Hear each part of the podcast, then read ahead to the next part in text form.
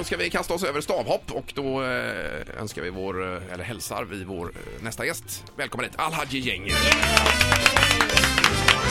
Får du komma lite närmare här eh, Alhaji med mikrofon och alltihopa. Ja, du ser som många andra gäster väldigt vältränad ut. Jo men det, han jobbar ju med det. Hur, hur mycket tränar du i veckan? Hur många timmar blir det? Uh, som mest är det åtta pass i veckan just nu. Nu är det väl uh, nere i tre, fyra pass i veckan plus tävling så att uh, nu känns det som man glider bara. Eh, Ja, men eh, det är stavhopp som gäller och det är, det är ju en speciell och udda gren. Vi har ju varit inne på det lite grann Linda i programmet. Ja, Ja. det, Eh, Till, till att börja med kan jag fråga, hur kom det sig att du valde, att, att, eh, valde just stavhopp? Det var i samband med friidrotts-VM i Göteborg när jag såg Sergej Bubka vinna, vinna VM-guldet. Jag tyckte det var väldigt en fascinerande sport. Jag höll på med fotboll innan och eh, kände väl att det var den eh, grenen som tilltalade mig mest. men hur var det första gången du testade? För det ser ju farligt och svårt ut.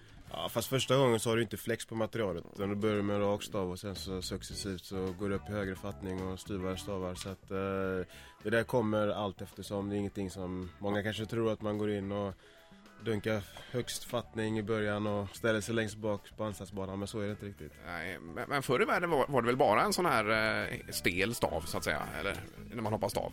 Ja Var det precis, det har ju gått olika skeden genom åren här. Men Ja. det, de börjar ju med ja, flexa knappt, sen så gick de över, jag tror det började med trä tror jag och sen så var det väl... Han sprang med en sån trästam. Träpinne. Trästam!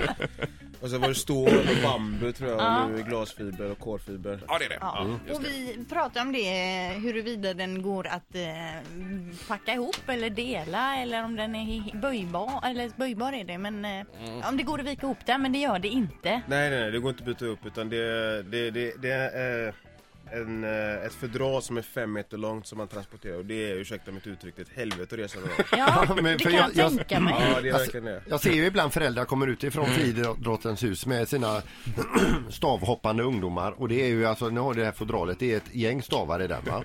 Ja, ja, det är det. det Hur, hur är många stavar har ni normalt sett? Fyra, fem, fem, sex stavar kanske. Det beror på vilken, vilket skede av säsongen det är. Ja, och, och då, man, man ser också att det här paketet är, det ska ju upp på biltaket. Och det, det är ju ett jättelångt paket. Ja, fast biltaket är det minsta problemet. Det, det värsta är när man, som jag och Angelica Bengtsson här, var i, i Polen här nu i förra veckan. Och eh, vi missade flyget och var tvungna att ta oss hem på ett annat, vi var tvungna att ta tåget helt enkelt, Ja. eller båten menar jag. Alltså, Eftersom att det var ingen maskin som tog stavarna, de måste ju ringa långt innan och, och verkligen få en bekräftelse på att de, de, eh, man kan få med dem. eh, men ni kom hem till slut i alla fall med Ja, vi kommer hem till slut. Men jag efter ser 24 framför mig på flygplatsen också när ni är på väg in och man liksom ska vända sig om och det är fullt med barnfamiljer och den här staven då. Ja, nej, men som jag säger, det är, det är inte lätt att resa med dem. Men, Nej. eh, Men nu, alltså du, eh, vad, vad får man tag på? eh, Nu kommer det, alltså det här är ju lite praktiska frågor. Vad kostar en stav och vad, vad, vad köper man en stav? Och, eh, om man börjar med stavhopp, får man låna stavar? Ja, i början så får du låna av, av klubben, köper oftast in stavar. Sen så är det olika fabrikat som tillverkar, men de är ju dyra. De kostar väl en 6-7 tusen styck. gör de. Oj. Ja.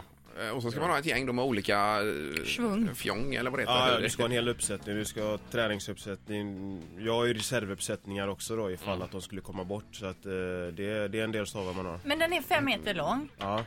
Är det, några- finns det regler då hur mycket svung man får ha i den så att säga eller vad det ska vara för stelhet på Och den? hur mycket sväng som helst. Man får ha det, upp till en själv alltså. Ju, ju bättre stelhet och ju större flex du har desto bättre är det naturligtvis. Men det är ju svårare också. Det kräver- böja den då alltså? Ja precis, det kräver en, en bättre fysisk förmåga. Du måste vara snabbare, starkare och bättre teknik. Så det är en balansgång hela tiden mellan fysisk insats och eh, svung i staven. Ja, teknik precis. Ja. Fysik och teknik, symbiosen där. Det är där det, Det handlar det om. där spelar roll. Har, har du skadat dig någon gång?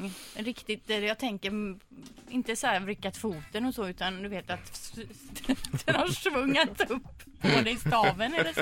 Ja, ja, det har jag. Jag ska vi se, ja, jag har blivit spetsad, har jag blivit. Jag har fått ribban i ögat och fått sy. Jag har brutit fotleden två gånger. Mm.